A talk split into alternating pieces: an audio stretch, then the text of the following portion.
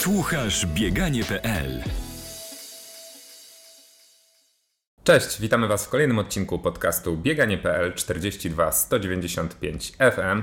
Dzisiaj szykujcie się na poważną rozmowę. Oczywiście rozmowy o bieganiu zawsze są poważne, ale ta dzisiejsza y, myślę, że pod tym względem będzie wyjątkowa, dlatego że porozmawiamy sobie o punktach stykowych prawa i biegania.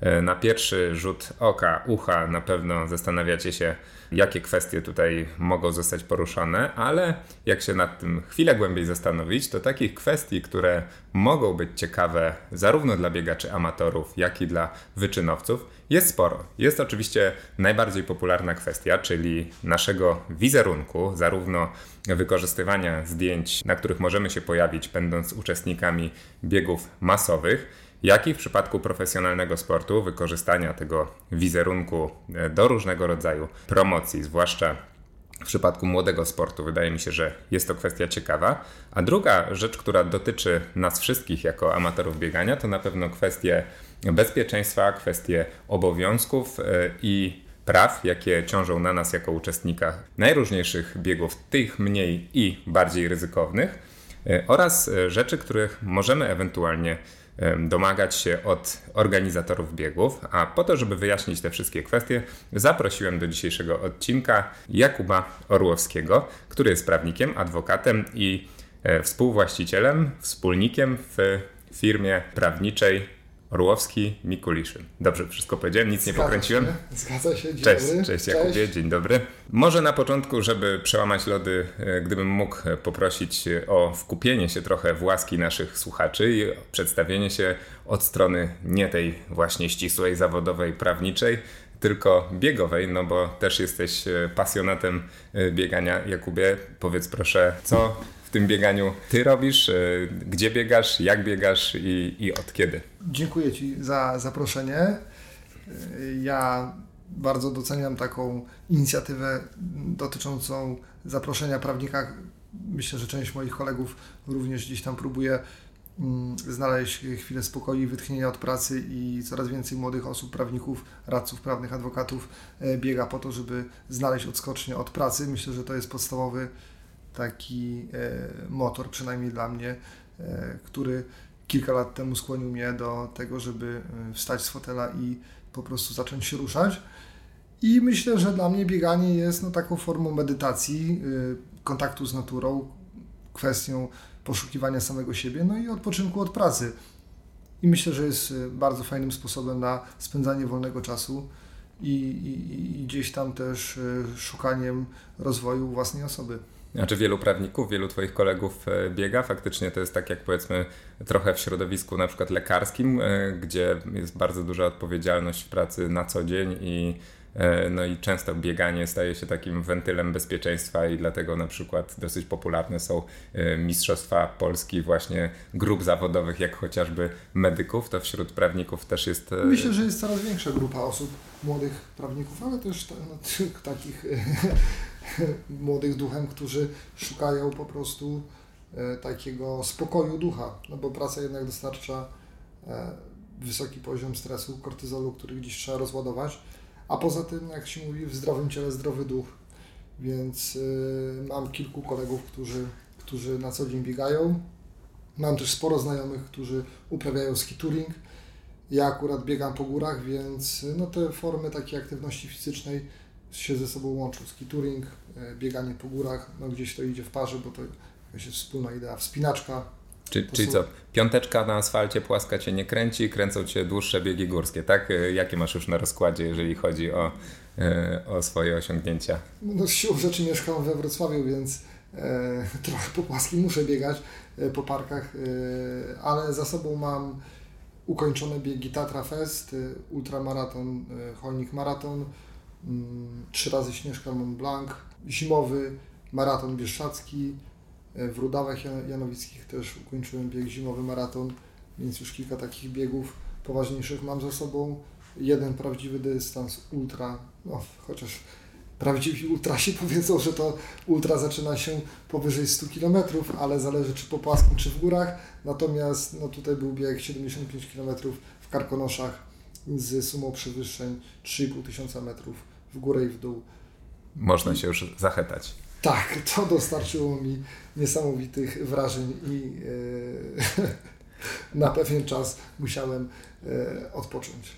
To podejrzewam, że zawodowo trochę inaczej patrzysz na regulaminy tych biegów, które my często jako, jako amatorzy w zasadzie tak, e, no wstyd się przyznać, ale bezwiednie podpisujemy, odklikujemy w momencie rejestracji i nie wnikamy w zasadzie, e, co tam do końca jest. E, w poprzednim odcinku mojego podcastu gościem była Patrycja Bereznowska, która będąc uczestniczką Badwater podpisywała na przykład pokrycie kosztów transportu zwłok swojego z takich śmiesznych zapisów.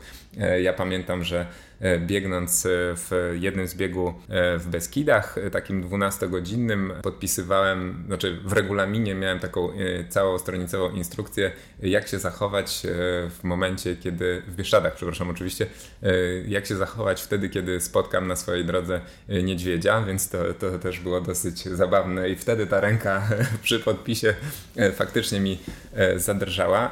Powiedz, jak przyglądasz się takim, takim umowom, takim umowom, e, regulaminom e, biegów, to widać, że w Polsce to jest już e, Twoim prawniczym okiem na wysokim poziomie, że organizatorzy przykładają się do tego, czy uważasz, że tam jeszcze jest, jest sporo do takiej pełnej profesjonalizacji? Ja myślę, że no tutaj też jest takie przysłowie, szef w dziurawych butach chodzi, ale z drugiej strony no często nie ma możliwości nie podpisania takiego dokumentu, jeżeli chce się wystartowania w biegu, no bo jednak to są tak zwane umowy adhezyjne, mówiąc po prawniczemu, czyli umowa, do której po prostu przystępujemy bez możliwości negocjowania tych zapisów. A co do samego jakby takiego know-how czy sposobu wykonania y, takiej sztuki prawniczej w tych regulaminach, to bywa różnie. Ja myślę, że problem gdzieś tam pewnie sięga szkoły podstawowej, czyli wzbudzania świadomości prawnej i ewentualnie korzystania z usług prawników bądź y, no, takiego przystosowywania ludzi do tego, że jednak e, lepiej zapobiegać niż leczyć i to na każdej płaszczyźnie życia może e, procentować. No dobrze, to powiedz w takim razie, gdybyś mógł nam tutaj e, podpowiedzieć, jeżeli byśmy po dzisiejszym podcaście chcieli bardziej rzetelnie podejść do tego tematu, wzbogaceni o tą wiedzę, którą z niego wyniesiemy i sobie taką umowę w nas, czy regulamin, który akceptujemy przy następnym biegu przewertować, to na co tak naprawdę powinniśmy zwrócić uwagę? Czy my, jako w cudzysłowie konsumenci, klienci, e, którzy płacą za jakiś bieg, możemy wymagać pewnych kwestii od organizatora, na przykład związanych z naszym bezpieczeństwem? E, czy to jest tak z automatu, że organizatorzy już są wycwanieni i mają takie e, klauzule, że już my zrzekają się wszelkich praw i tak naprawdę my nie możemy niczego rościć i wszystko robimy na własną odpowiedzialność? Ten temat, który poruszał się jest bardzo ciekawy, skomplikowany i nad którym wiele razy się też jako prawnik i jako uczestnik tych biegów e, zastanawiałem, bo wszystko tak naprawdę zależy od z jednej strony punktu siedzenia, ale z drugiej strony od danej sytuacji. Ciężko jest tak mówić abstrakcyjnie, bo wiadomo, zawsze każdy przypadek musi być indywidualnie analizowany. Natomiast z punktu widzenia konsumenta, osoby, która ma wystartować w biegu, to tak naprawdę udział w takiej imprezie ma kilka y, istotnych aspektów, w zależności tak naprawdę od biegu, bo mogą być na przykład takie biegi jak survivalowe, które odbywają się powiedzmy w mieście, w którym organizator przygotowuje tor przeszkód bądź wykorzystuje naturalne położenie terenu do tego, żeby utrudnić uczestnikom bieg. Są biegi na przykład płaskie, o których wspominałeś, piątka, dziesiątka, półmaratony, maratony, ale są też biegi górskie, które są z punktu A do punktu B, w, na przykład jak w Tatrach, w których jest kilka dróg tylko dostępu, z których można zejść z trasy albo dostać się do uczestników. I tak naprawdę pytanie, co oferuje organizator. Czy oferuje na przykład w ramach danego przedsięwzięcia zestaw jakichś koszulek, zestaw jakichś e, takich dodatkowych atrakcji, czy oferuje nosek, czy oferuje dojazd, czy jak jest kwestia związana z bezpieczeństwem na trasie w zależności od biegu, no bo umówmy się, większość biegów czy aktywności fizycznych związana jest z podwyższonym ryzykiem. I tutaj pojawia się pytanie, na przykład taki organizator biegu, w którym startuje 10 tysięcy osób, czy jest w stanie zweryfikować przygotowanie tych osób? Nie. Czy jest organizator, który organizuje bieg dla 300 osób, na przykład wprowadzając punkty kwalifikacyjne? Też nie. Więc w mojej ocenie z, oczywiście z mojego doświadczenia wynika, że jednak ta odpowiedzialność od organizatora, ona niby jest bardzo szeroka, ale z drugiej strony no ludzie powinni być moim zdaniem świadomi tego, w jakim wydarzeniu biorą udział, bo takiego bezpieczeństwa no, należy szukać na początku u siebie i zapewniać je u siebie. I to jest moim zdaniem podstawowy element. To, że jako biegacz powinniśmy być świadomi, w jakim biegu startujemy i czy jesteśmy do niego przygotowani, czy spędziliśmy odpowiednią ilość czasu na przygotowania i ta świadomość tego wysiłku, który będzie towarzyszył, czy ona jest w odpowiedni sposób skalkulowana. To, to jest oczywiste, natomiast ja się zastanawiam, czy są takie odgórne przepisy, przepisy ogólnie obowiązujące, na przykład tak jak e, są w przypadku imprez masowych, imprez muzycznych, tak, gdzie e, organizator jest zobowiązany e, przez prawo zapewnić jakieś tam normy bezpieczeństwa. Czy jest podobnie w przypadku biegów? Czy, czy może wystąpić taka sytuacja, że ja zapisuję się na jakiś bieg, który tak jak powiedziałeś, e, niezależnie już od mojego przygotowania, ale z uwagi na trudne ukształtowanie terenu, czy jakieś trudne warunki odbywające się w porze nocnej, no ma, jest, e, zawsze istnieje na takim biegu większe ryzyko. Ja czytam taki regulamin i na przykład zauważam w nim, że robię wszystko E, na własną odpowiedzialność i że organizator nie zapewnia mi praktycznie niczego. To czy ja mogę w takiej sytuacji odwołać się do jakichś e, przepisów ogólnie obowiązujących i powiedzieć, panie organizatorze, no ale jednak to jest taki bieg, że pan powinien, nie wiem, gdzieś tam mieć w odwodzie tą karetkę, czy tego kłada, czy cokolwiek innego, żeby w razie jak ja utknę w środku lasu, był ktoś, kto, kto będzie w stanie mi pomóc. Ja wiem, że organizatorzy wielu biegów bardzo odpowiedzialnie podchodzą do tych tematów i nawet e, rozmawiałem w jednym z moich odcinków odcinków z organizatorem e, biegów e, z cyklu Ultra Zbój, który mówił, że oni mają więcej jeszcze tego zabezpieczenia niż teoretycznie wymagałyby od nich jakiekolwiek e, przepisy, no ale praktyka może być różna, więc pytanie, gdzie szukać takich przepisów i czy ewentualnie możemy w ogóle odwołać się do, do przepisów ogólnie obowiązujących, jeżeli regulamin w naszym mniemaniu jest niewystarczający. No tutaj to, to co powiedziałeś, zabezpieczenie takiego zaplecza medycznego jeżeli są biegi jak triatlony, to na przykład jeszcze y, jakiegoś wodnego wsparcia, y, nie, na przykład przy takich y, już hardkorowych biegach jak Harda Suka, to tam zawodnicy są właściwie pozostawieni sami sobie.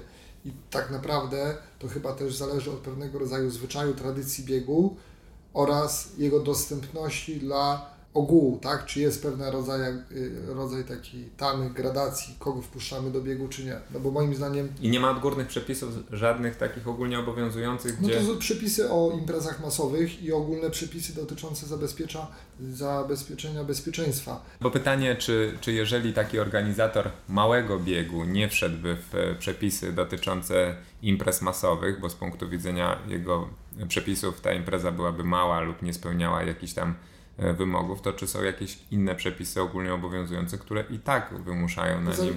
no, zawieramy umowę. Organizator ogólnie odpowiada na zasadzie ryzyka.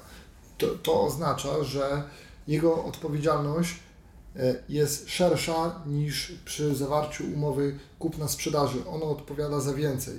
On wyłącza tą odpowiedzialność, siła wyższa, działanie osób trzecich bądź jakieś inne zdarzenie losowe.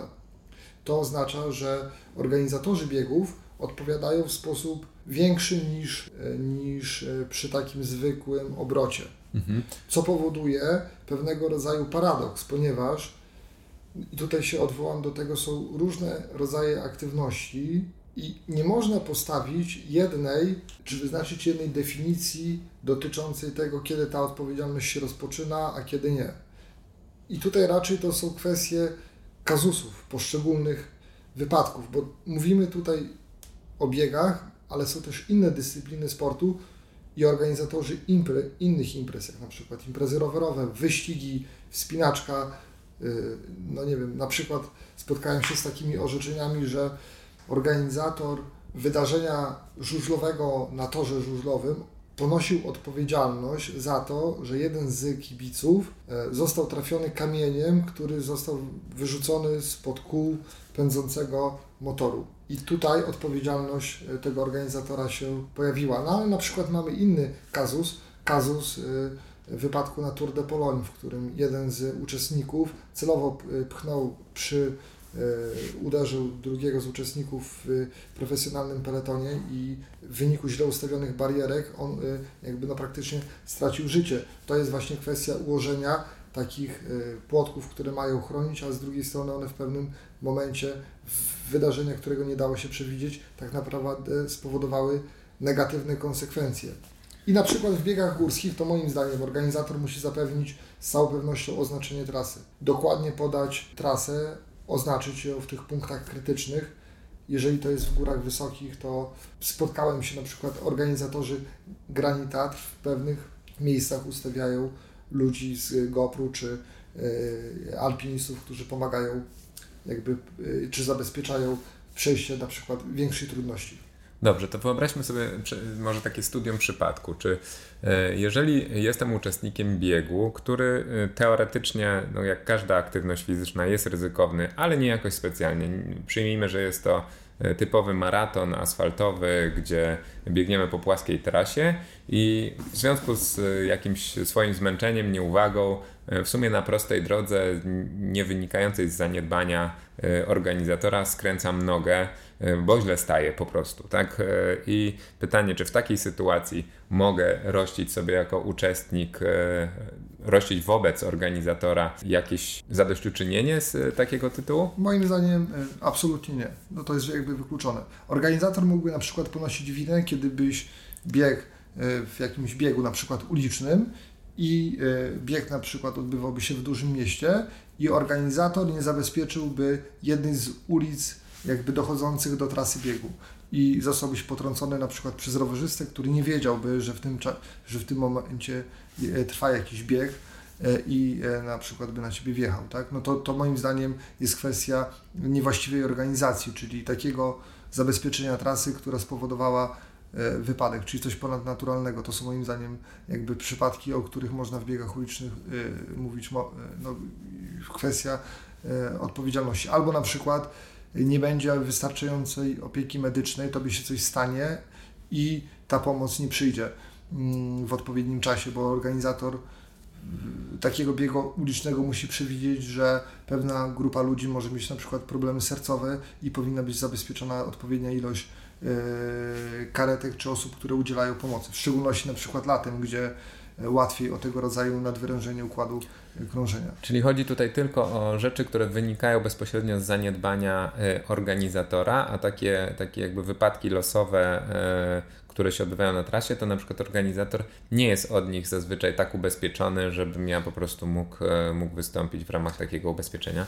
Przeważnie organizatorzy są ubezpieczeni y, od odpowiedzialności cywilnej związanej z tego rodzaju wydarzeniami, tylko ta odpowiedzialność ubezpieczyciela jest bezpośrednio związana z danym zdarzeniem, więc jeżeli organizator nie będzie ponosił odpowiedzialności, wówczas y, no nie aktualizują się przesłanki do wypłaty ubezpieczenia. Mhm.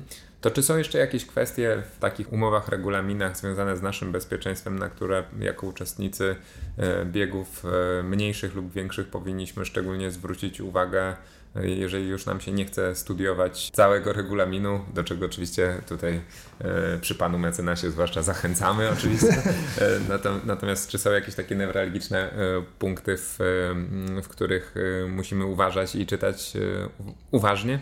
No, powinniśmy szukać, czy nie ma jakichś y, ukrytych opłat, czy organizator nie będzie żądał od nas dodatkowych pieniędzy, na przykład za transport w dniu startu, albo czy nie będzie na przykład wprowadzał w błąd w zakresie cen związanych z jakimiś upominkami, czy kwestiami dotyczącymi takich y, dodatkowych elementów, nie wiem, wyposażenia obowiązkowego. No to są moim zdaniem rzeczy, na które warto zwrócić uwagę, ale wbrew pozorom to chyba nie są jakieś takie bardzo skomplikowane rzeczy, bardziej jest kwestia praktyki, czyli moim zdaniem kwestia zabezpieczenia medycznego i takich zwyczajów dotyczących wody, bufetu.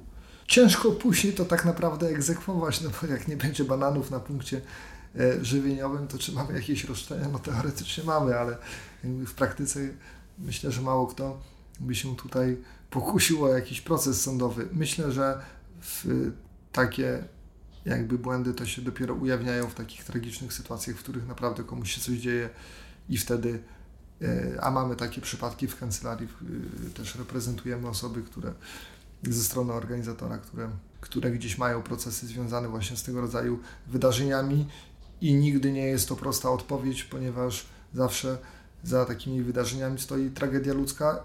Natomiast ja, jako biegacz, jako prawnik, no tutaj jednak wychodzę z założenia, że w tych biegach, w których ja startuję, to jest moja odpowiedzialność. Mhm. I to jest jakby sytuacja, jeżeli biegam w Tatrach, no to na trasie 75 km, to ja nie widzę możliwości, w jaki sposób organizator ma mi pomóc. Mhm. W sytuacji, w której pomóc może tak naprawdę tylko wyspecjalizowana grupa, czyli GOPR mhm. czy TOPR, tak? No to w, w tym przypadku TOPR. Mhm. E, przepraszam, więc i od tego się wykupuje specjalne ubezpieczenie i to jest warunek przystąpienia do biegu, tak? Mhm. Ja muszę mieć ubezpieczenie, które zapewnia na stronie słowackiej e, na przykład, e, bo jeżeli bieg jest po stronie słowackiej, możliwość transportu przez tą słowacką służbę ratowniczą.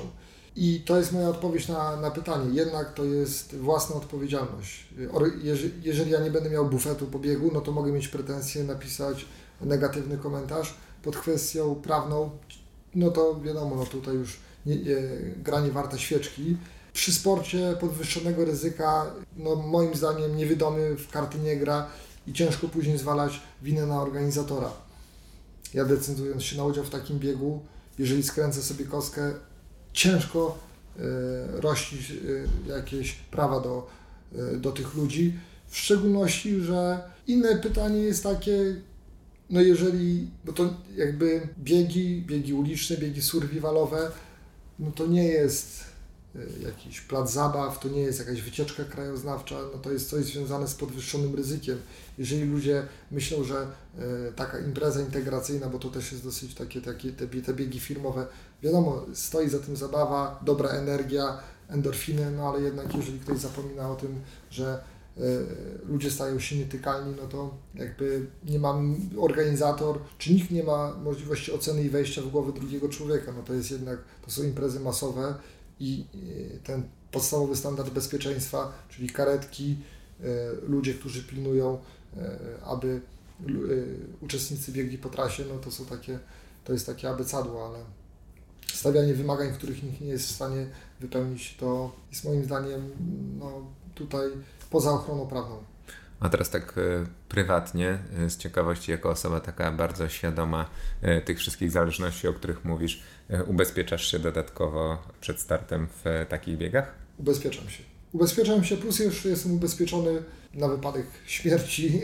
Takie ubezpieczenie jakby gwarantujące mojej rodzinie wypłatę określonej kwoty, gdyby mi się coś stało. I zawsze się ubezpieczam wyjeżdżając na wakacje, jeżeli jadę i zawsze sprawdzam, czy to ubezpieczenie jest od sportów ekstremalnych. Na przykład jak jadę w górę się gdzieś wspinać czy biegać, to zawsze sprawdzam, żebym miał pewność, że taka sytuacja y, będzie pokryta.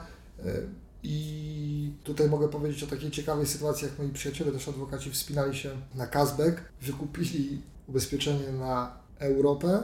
Jeden z nich się źle poczuł, a Kazbek jest po stronie rosyjskiej i były problemy dotyczące pokrycia kosztów transportu lotniczego, bo jedna osoba po prostu nie dała rady.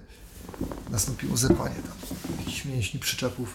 No i był problem. E, przejdźmy w takim razie do kwestii e, jeszcze związanych z uczestnictwem w biegach. Może najpierw trochę amatorskim, które pewnie zaprowadzą nas bardziej do E, tematów już dla wyczynowych sportowców, no bo kwestii związanych e, z wizerunkiem. Niejednokrotnie e, będąc uczestnikiem biegu natrafiałem na swoje, tak samo jak wszyscy inni uczestnicy, fotografie zamieszczane czy to na profilach mediów społecznościowych danego biegu, czy fotografów, którzy tam tak freelancersko sobie działali. Pytanie, jak to wygląda od strony prawnej i co z tym moim wizerunkiem jeżeli jestem uczestnikiem takiego biegu masowego, jestem w miejscu publicznym, co może się z tymi zdjęciami wydarzyć i czy to jest tak faktycznie, że o ile podejrzewam, że organizator to pewnie się zabezpiecza właśnie przy okazji regulaminu biegu, tym, że może te zdjęcia robić, e, o tyle taki fotograf, który e, który przychodzi na miejsce i potem publikuje te zdjęcia z nadzieją, że ktoś je od niego pewnie wykupi,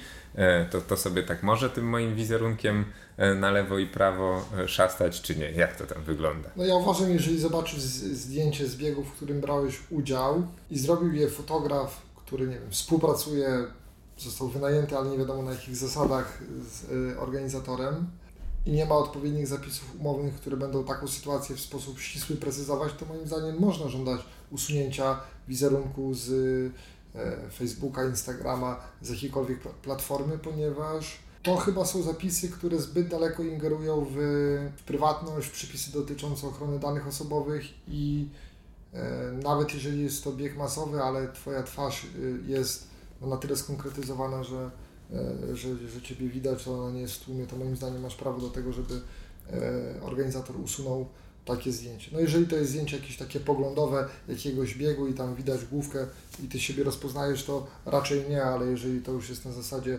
takiej zindywidualizowanej, e, gdzie ty jesteś jakby obiektem tego zdjęcia, to moim, je nie wyraziłeś na to zgodę, albo nie wyrażasz na to zgodę, albo to zdjęcie Ci się nie podoba, albo nie chcesz, żeby organizator e, umieszczał tego zdjęcia i publikował go w internecie, to uważam, że tak, że organizator powinien takie zdjęcie y, usunąć, w szczególności, że pewnie autorem tego zdjęcia jest ktoś, kto w ogóle nie posiada uprawnień do y, zrobienia Tobie zdjęcia i przekazania go dalej organizatorowi. Mhm. E, a czy, czy są właśnie takie praktyki w zapisach e, takich e, biegów, no bo widzimy przecież, że, że zdjęcia mm, jakichś osób, powiedzmy, e, cieszących się przy, przy wbieganiu na metę, są przez organizatorów biegów e, wykorzystywane potem w komunikacji latami na zasadzie promowania kolejnych edycji tych biegów, no to, to oni udostępniają takie randomowe osoby, które tam wbiegają, cieszą się i w danym momencie fajnie wyglądają, czy, czy organizator powinien nas jako takich uczestników w takim wypadku zapytać o zgodę, czy oni raczej właśnie e, zasłaniają się tymi przepisami, które są w e, regulaminach? Wiesz co, no moim zdaniem powinna być to jasna informacja dotycząca udostępniania wizerunku. Mhm. I miejsc, w których i czasów, w którym ten wizerunek będzie udostępniany. Myślę, że dla większości osób to jest frajda i pewnie, pewnie mało komu E, przyszłoby do głowy, żeby prosić o, o takie usunięcie, no ale wyobrażam sobie, że są życiowe jakieś takie sytuacje, że nie wiem, wziąłem udział w biegu, na który nie puścił mnie pracodawca, poszedłem na L4 i może nie za specjalnie chcę, żeby wszyscy widzieli, że danego dnia e, Znam w, tym biegu. Znam jeden przypadek w firmie mojej żony. Dziewczyna poszła na L4 e, z podejrzeniem skręcenia kostki i w tym czasie publikowała zdjęcia z zawodów z tych y, dartowych, w których wygrała mistrzostwo. Więc y, zdarzają się takie sytuacje, w których... Gratulacje w biurze na nią czekały, czy nie, nie, nie, nie wiadomo postaci, od, od szefa? No, myślę, że myślę, że nie wiem, czy ta sprawa trwa, czy nie, więc nie będę się na ten temat wypowiadał. Natomiast była, była taka sytuacja rzeczywiście i no jest wiele takich sytuacji, w szczególności teraz związanych w ogóle z internetem, z, z, z gromadzeniem danych, których jest to robione poza naszą wiedzą i świadomością.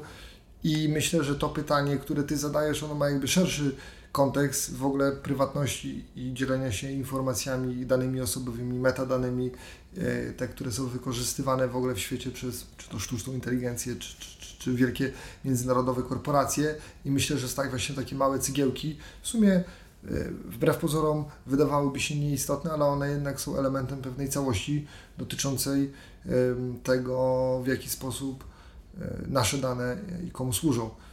I pod tym względem no to jest na pewno element taki, że warto o to dbać i świadomie przekazywać informacje, które my generujemy tak, do sieci. A jeżeli chodzi o taką elementarną kwestię dotyczącą tego, e, tego wizerunku, bo jeszcze trochę się przy tym zatrzymam, bo, bo chciałbym jeszcze właśnie o, porozmawiać o osobach, których wizerunek już może mieć jakąś wartość, bo na razie zatrzymaliśmy się przy przy takich amatorach biegania, nie wiem, no na swoim przykładzie, gdzie, gdzie pewnie no, ta osoba ciesząca się, wbiegająca na metę, no to jest po prostu wybrana nie ze względu na to, że to jest ta konkretna osoba, ale że akurat fajną energię tutaj pokazała na zdjęciu i organizator sobie to zdjęcie wykorzystał. Natomiast e, kwestia bardziej istotna będzie w momencie, kiedy ten wizerunek e, jakichś e, sportowców już tam jest coś wart. Ale jeszcze ostatnie takie pytanie za, zamykające ogólne. Czy w kwestii tego mojego wizerunku, to rozumiem, że jest tak, że w momencie, kiedy ja jestem w miejscu publicznym, takim jak jest chociażby zorganizowany bieg, to każdy może mnie fotografować z lewa i, i z prawa i ja nie mam prawa jakby nikomu zabraniać tego robić, tylko e, kwestie moich praw zaczynają się w momencie, kiedy te zdjęcia będą gdzieś opublikowane, prawda? Rozpowszechnione, tak. Czy, czyli jakby nie mogę sobie zażyczyć, żeby ktoś mi w miejscu publicznym zdjęć nie robił. No i to jest, wiesz, dobre pytanie. Ja myślę, że w biegu no to nie jesteś w stanie tego, yy, tego uchwycić, ale... No ale tak właśnie to, szerzej mówię, żeby mieć świadomość, bo to może już nawet nie być na biegu, tak? To, tylko, tylko gdziekolwiek. Jeżeli jestem w miejscu publicznym, nie zakrywam twarzy, to, to zdjęcie to można tak, zrobić, prawda? tak, ale są pewne sytuacje, które dotyczą, nie wiem, na przykład osób znanych, tak, paparazzi. Jaka jest granica pomiędzy yy, wchodzeniem w czyjeś życie. Jeżeli jestem na imprezie, nie wiem, jakiejś związanej z promocją jakiegoś produktu, no to siłą rzeczy zgadzam się na to, że będą osoby, które będą mi robiły zdjęcia, ale na przykład jak idę do sklepu e, kupić kawę, jestem znanym sportowcem, znanym muzykiem, to pytanie, czy śledzący mnie paparazzi mają prawo do ingerowania w moje życie i pokazywania go z takiej strony, nie wiem, jak jestem powiedzmy niedbale ubrany, czy mam e, jakąś niedyspozycję, bądź po prostu nie mam humoru na to, żeby ktoś mi robił zdjęcia. Mhm. To jest pytanie o E, wchodzenie z butami no, ludzi, którzy po prostu, których interesem takim biznesowym jest to, że będą e, pokazywać zdjęcia znanych ludzi i na tym czerpać w sytuacjach e, takich zwyczajnych i czerpać z tego korzyści. No i tutaj uważam, że jednak taka granica musi być stawiana. No, wiele osób znanych próbuje z tym walczyć, natomiast no, tutaj przez niewydolność systemu ciężko jest dochodzić swoich praw w sądzie, w sensie, że to wszystko tak długo trwa, że ludzie są po prostu zniechęceni, no ale jednak i to jakby wielokrotnie jest gdzieś i przedmiotem analiz takich prawnych, no ale też na przykład e, książek, jak na przykład Utracona cześć pani Bloom, e, dotycząca właśnie wydarzeń związanych z Bildem i tego, w jaki sposób media e, karykaturują rzeczywistość, w jaki sposób przekłamują rzeczywistość, w jaki sposób czerpią nienależne im korzyści wynikające po prostu z e, plot, stworzenia plotek bądź nieprawdziwych informacji. Mhm. I czy jesteśmy osobami prywatnymi czy publicznymi, no to ten jakby, czy na przykład politykami, bo tutaj w przypadku e, polityków ochrona dóbr osobistych jest w pewien sposób zawężona i sądy przyjmują, że politycy powinni mieć grubszą skórę i znosić więcej niż zwykły obywatel. Więc odpowiadając jakby z drugiej strony, no jako obywatel mamy prawo nie chcieć, żeby ktoś nam robił zdjęcia. I myślę, że taka jest odpowiedź. Mhm. Nie y, ochrona tutaj dóbr osobistych. Artykuł 24 kodeksu cywilnego mówi o tym, że mamy prawo do tego, do prywatności, do poszanowania y, naszego wizerunku i możemy żądać jego zaniechania. No dobrze, to jak w takim razie, bo już zbliżyliśmy się do tych y, sław, do tych gwiazd, za którymi chodzą paparazzi, więc są też gwiazdy sportu i przede wszystkim wschodzące gwiazdy sportu, bo myślę, że te e, gwiazdy z topu, no to już e, te wszystkie kwestie mają związane z własnym wizerunkiem dokładnie wyjaśnione, albo chociaż mają ludzi, którzy tej kwestii za nich myślą i wszystko im wyjaśnią.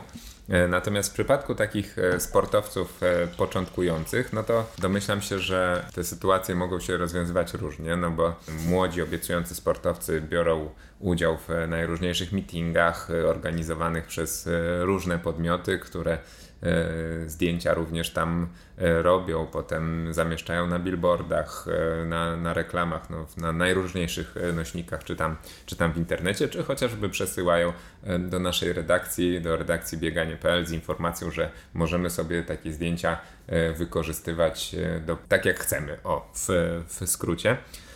I pytanie, mm, jak to jest w przypadku tego E, tego wizerunku młodego sportowca. Gdzie tam e, największe pułapki na, na młodych zawodników w takiej praktyce y, polskiego podwórka czekają, na co, na co trzeba uważać, będąc właśnie takim aspirującym młodym sportowcem, który wchodzi w jakieś pierwsze kontrakty, takie, takie relacje i jak to w praktyce wygląda? No to, to jest temat rzeka, ale tak postaram się pokrótce wskazać na takie moim zdaniem najważniejsze elementy. No, wiadomo, że jakby osią wszystkich problemów są pieniądze.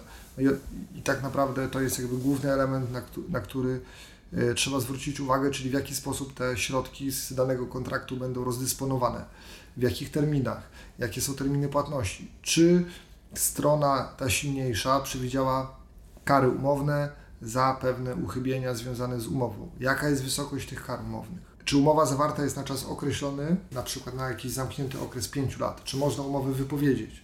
Kiedy tą umowę można wypowiedzieć. Jako młody sportowiec, muzyk, artysta, osoba, która gdzieś ma jakąś wartość taką medialną, co możemy oczekiwać od naszego partnera biznesowego, w sensie jakie są jego obowiązki, co on ma nam zapewnić.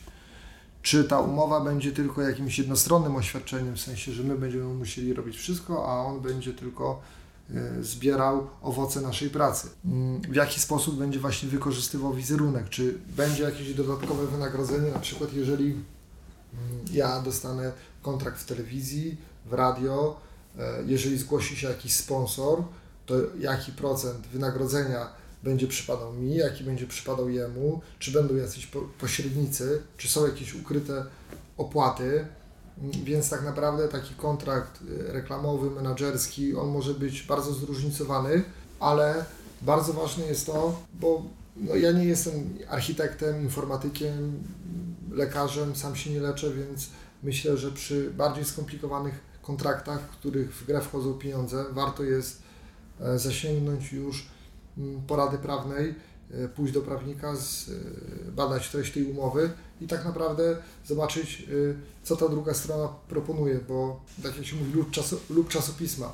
Jedno, jeden fragment może zmienić treść całej umowy. Ale z mojego doświadczenia wynika, że im większy gracz, im większe pieniądze, tym tak naprawdę poziom skomplikowania tych umów jest większy.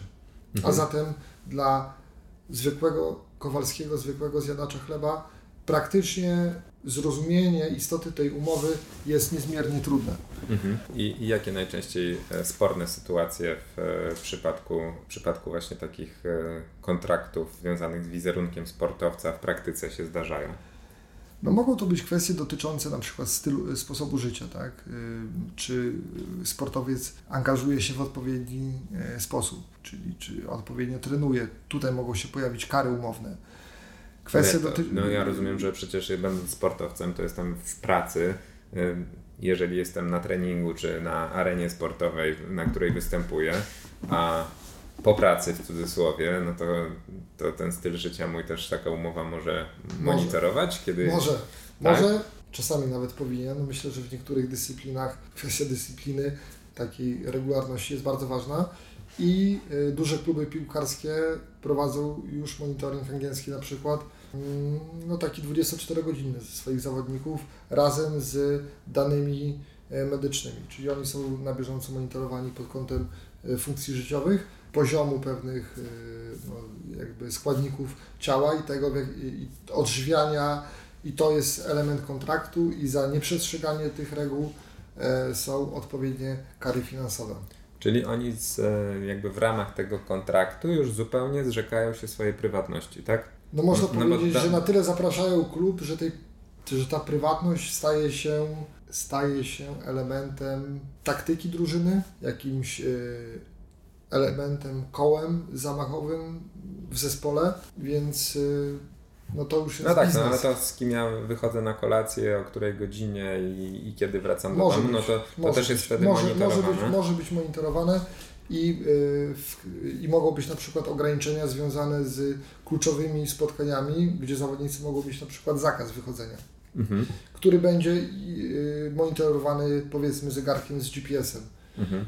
I coś takiego też w ramach prawa się, się mieści, jest legalne, tak? Ja myślę, yy, tak. Takie współczesne niewolnictwo trochę, prawda? Tak, no to jest, ja myślę, że no tu już jest kwestia y, inwestycji w zawodnika, no bo jeżeli klub płaci za zawodnika albo sponsor dziesiątki milionów euro, no to ma chyba prawo oczekiwać, że taka osoba będzie, powiedzmy, spełniała swoją rolę, a nie...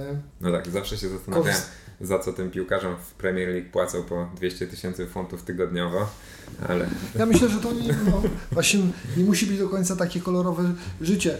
I, tak jak jeszcze przez telefon rozmawialiśmy, no tutaj zaprzęgnięta jest sztuczna inteligencja, metadane, algorytmy, które po prostu y, są nawet takie programy komputerowe, które y, są w stanie policzyć ilość podań na treningach, kwestia celności, dokładności i później z tego jest wyliczane prawdopodobieństwo błędów, które mogą się pojawić w, przy, y, w przyszłości, więc tutaj sztuczna inteligencja y, sport mocno wchodzi. Nawet ostatnio czytałem, może już nie a propos sztucznej inteligencji w sporcie, ale e, a propos polskich startupów opracowali system analizy twarzy, który z skutecznością 90 kilku procent wskazuje na prawdopodobieństwo spłaty pożyczki bądź nie. O, to ciekawe. E, więc in, i teraz wyobraź sobie, że zespoły takie, e, które były do oceny ryzyka poszczególnych osób, e, no, związane z analizą dokumentów, no, zostaną pozbawione pracy, ponieważ będzie program komputerowy tylko, który będzie na podstawie z Twojego zdjęcia określał prawdopodobieństwo spłaty pożyczki, którą masz ewentualnie zaciągnąć. I to samo dzieje się w sporcie, więc y, ta y, presja na sportowcach y, i sprzedaż prywatności, no myślę, że tutaj może też stanowić problem, bo ten ciągły monitoring takich funkcji biologicznych i tego, że jesteś tak naprawdę narzędziem już takim, no powiedzmy, nagim, mhm. w tym sensie, że klub o tobie wszystko wie, myślę, że to też może być e, e, problem. A jakie błędy popełniają młodzi sportowcy podpisując e, swoje pierwsze umowy najczęściej i z czym są związane? Bo może w przypadku sportu tak głośno się o tym nie słyszy, ale na przykład w branży takiej rozrywkowej, zwłaszcza muzycznej, wiele zespołów czy twórców wylewa swoje żale y, ogólnie do sieci y, na temat tego, jak to podpisywało pierwsze umowy z jakimiś wielkimi labelami i potem byli y, w zasadzie niewolnikami, tak, u, u jakichś tam większych graczy. Podejrzewam, że w sporcie może być podobnie. W przypadku, kiedy jestem młodym sportowcem i mam pierwszy kontrakt na stole, to, to pewnie też są emocje i nie ma za dużo miejsca w praktyce na E, na analizę, to jakie błędy popełniają e, młodzi sportowcy i w jakie pułapki tych właśnie większych graczy rynku sportowego często wpadają? Podstawowym elementem, moim zdaniem, który jest najistotniejszy, to jest czas, na jaki zawiera się umowę. Jeżeli zawrzemy umowę na 10 lat bez możliwości rozwiązania, no to jesteśmy poskładani. Mhm. Życie sportowca to jest krótki czas, więc kariera trwa krótko w porównaniu do średniej długości życia i to jest podstawowy chyba element, na który należy zwrócić uwagę, czyli czas, na jaki jest zawierana umowa. Później kolejnym elementem, czy jest to umowa na wyłączność, czy umowa dopuszcza możliwość znalezienia innych partnerów biznesowych do rozwoju. Mhm. Kolejnym bardzo istotnym elementem jest kwestia wysokości wynagrodzenia procentowego, które będzie płatne dla nie wiem, menadżera na przykład, mhm. albo stałych opłat wynikających z obsługi danego kontraktu. E, więc w sumie to są chyba dwie najważniejsze rzeczy, takie na które na, należy zwrócić e, uwagę, a reszta to już są takie szczegóły, które tworzą całość w zależności od dyscypliny, od, od rodzaju. No ale myślę, że tak jak Ci powiedziałem, du, duzi gracze, międzynarodowe koncerny mają bardzo dobre zespoły prawne, specjalistów e, z prawa autorskiego, z takich umów cywilnoprawnych, które tworzą tak zamknięte systemy, że mm, ciężko się jest młodym sportowcom, muzykom z nich wydostać. E, jednym z takich e, osób, chyba to jest publiczna informacja, był Dawid Podsiadło. E, miał też duży problem z, tego rodzaju sytuacją, ale na przykład też pan Sapkowski, twórca mhm. Wiedźmina, mhm. toczył niedawno boje prawne z CD Projekt mhm. w zakresie dodatkowego wynagrodzenia za przeniesienie praw do stworzenia mm, czy adaptacji Wiedźmina jako gry komputerowej. Mhm.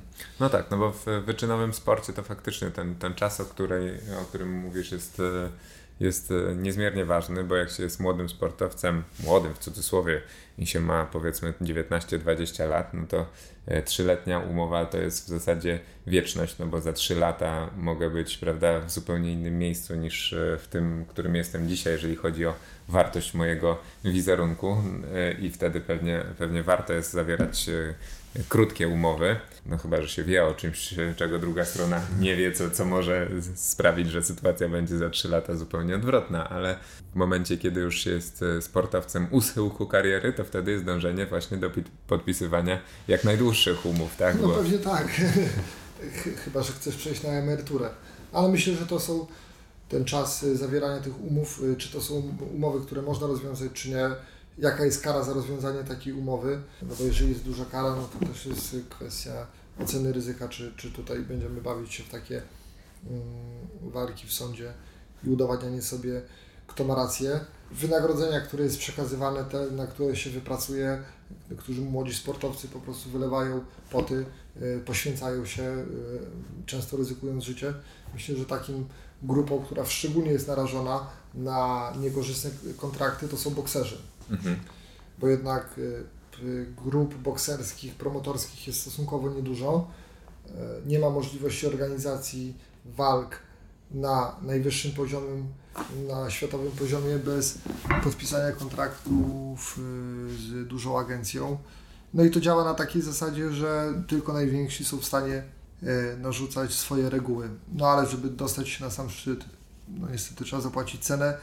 I w niektórych sportach jest to po prostu nieuniknione. No myślę, że tutaj boks jest takim przykładem, w którym bardzo dużo y, bokserów no po prostu no jest w trudnej sytuacji, bo nie mają tak naprawdę wyjścia, bo żeby walczyć muszą podpisać kontrakt z grupą promotorską, która e, będzie w stanie taką walkę zorganizować. I to myślę, że jest w sumie bardzo, bardzo istotna kwestia, aby e, znać swoje prawa i nie grać e, w karty, w znaczone karty, no tak mówiąc kolokwialnie. I myślę, że jeżeli ktoś zna swoją wartość, Y, zgłosi się do niego firma, która będzie chciała zainwestować pieniądze, to ona nie, coś widzi w tym zawodniku i to nie jest tak, że takiej umowy nie można zmienić, więc y, każdą umowę da się dostosować, przynajmniej spróbować albo w taki sposób ją ułagodzić, żeby ona nie była taka cyrograf z diabłem, a takie umowy też czytałem, w których, no w przypadku takiej y, y, branży akurat muzycznej, no ale to jest właściwie ten sam jakby schemat, w której są opcje do wykorzystania i tak naprawdę y, cała kariera, jeżeli dana firma skorzysta z takiej opcji, jest kontrolowana przez powiedzmy 10 lat na wydanie powiedzmy 5 płyt. Mhm. I taki młody muzyk wtedy ma narzucony, może być narzucony repertuar, sponsorów, trasy koncertowe, to jak ma się ubierać y, i cała jego kariera jest po prostu kontrolowana przez e, firmę, która działa w show biznesie.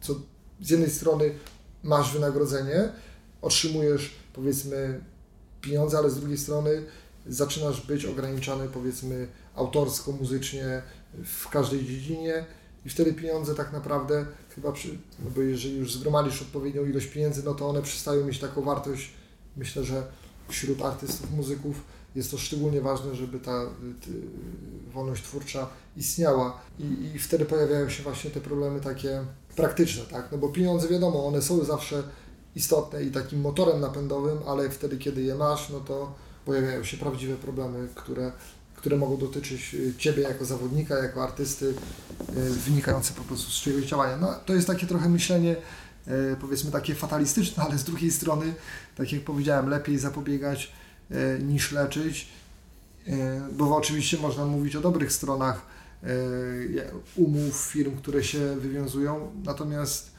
ja uważam, że no do mnie ludzie raczej nie przychodzą, nie powiedzmy nieszczęśliwi, to nie są szczęśliwi ludzie, tylko ludzie z problemami, więc chyba też mam taką e, pracę, gdzie właśnie to bieganie pozwala mi na uwolnienie się ze stresu, ale z drugiej strony na taki trochę fatalistyczny e, patrzenie na świat, w sensie, żeby jakby zapobiegać może tym problemom, tak w życiu oczywiście zawodowym, no bo wiadomo, jak każdy popełnia błędy e, w życiu, no ale jednak zawodowo człowiek to ma taki trochę inny świat i gdzieś tam się inaczej na to wszystko patrzy i trochę to życie prywatne, wiadomo, rządzi się swoimi prawami niż za, e, niż to życie zawodowe. Więc ja tutaj ze swojego punktu widzenia dla biegaczy, dla sportowców, dla, dla muzyków proponuję kontakt z osobami, które mają w tym doświadczenie. Nie muszą być to nawet prawnicy, tylko ludzie, którzy przeszli przez pewną drogę, żeby uczulić na to, co się podpisuje, bo pieniądze e, to nie jest wszystko i one mogą czasami stwarzać więcej problemów niż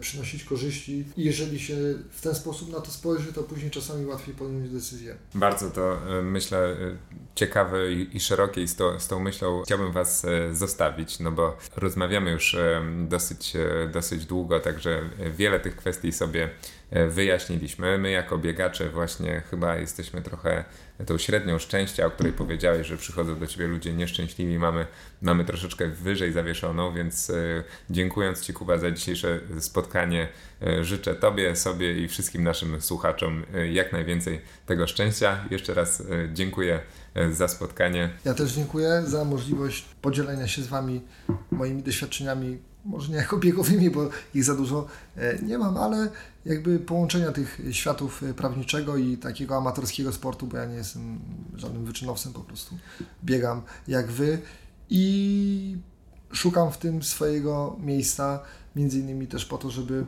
złapać dystans do życia i mieć pewnie szerszą jakąś tam perspektywę e, zawodów, w którym który wykonuję i kontaktu z naturą. Myślę, że portal bieganie.pl jakby na tyle szeroko podchodzi do kwestii biegania właśnie, że zapraszacie różnych ludzi z różnych dziedzin po to, żeby pokazać, że bieganie jest elementem życia yy, różnych osób i tym elementem spoiwem i jakąś wspólną pasją. Powiedz proszę jeszcze tylko na koniec, czy takie kwestie, o których rozmawialiśmy, również yy potencjalne osoby, które takie problemy prawne z tytułu biegania lub nie y, mają, mogą się do Ciebie też o pomoc y, zgłosić i ewentualnie jak Ciebie wtedy znaleźć? Ja myślę, że oczywiście my świadczymy pomoc y, ludziom, którzy, którzy tego potrzebują. Mamy stronę internetową, mamy, mamy Facebooka, Instagrama, numery telefonów, także maila odpisujemy. Specjalizujemy się już, tu już mowa o takiej powiedzmy kryptoreklamie w sprawach trudnych, trudniejszych i, i lubimy wyzwania. E, mój wspólnik jest rajdowcem. No, mamy taką powiedzmy e, w sobie rywalizację sportową, którą staramy się gdzieś w biznesie wykorzystywać. Także nie, nie życzymy nikomu problemów prawnych, ale jeżeli, no to wiecie, bieg, biegacz z biegaczem zawsze lepiej się dogada, także na pewno po, polecamy tutaj e, usługi Kuby. Jeszcze raz dziękuję serdecznie za dzisiaj i do usłyszenia. Zbieganie.pl współtworzy New Balance.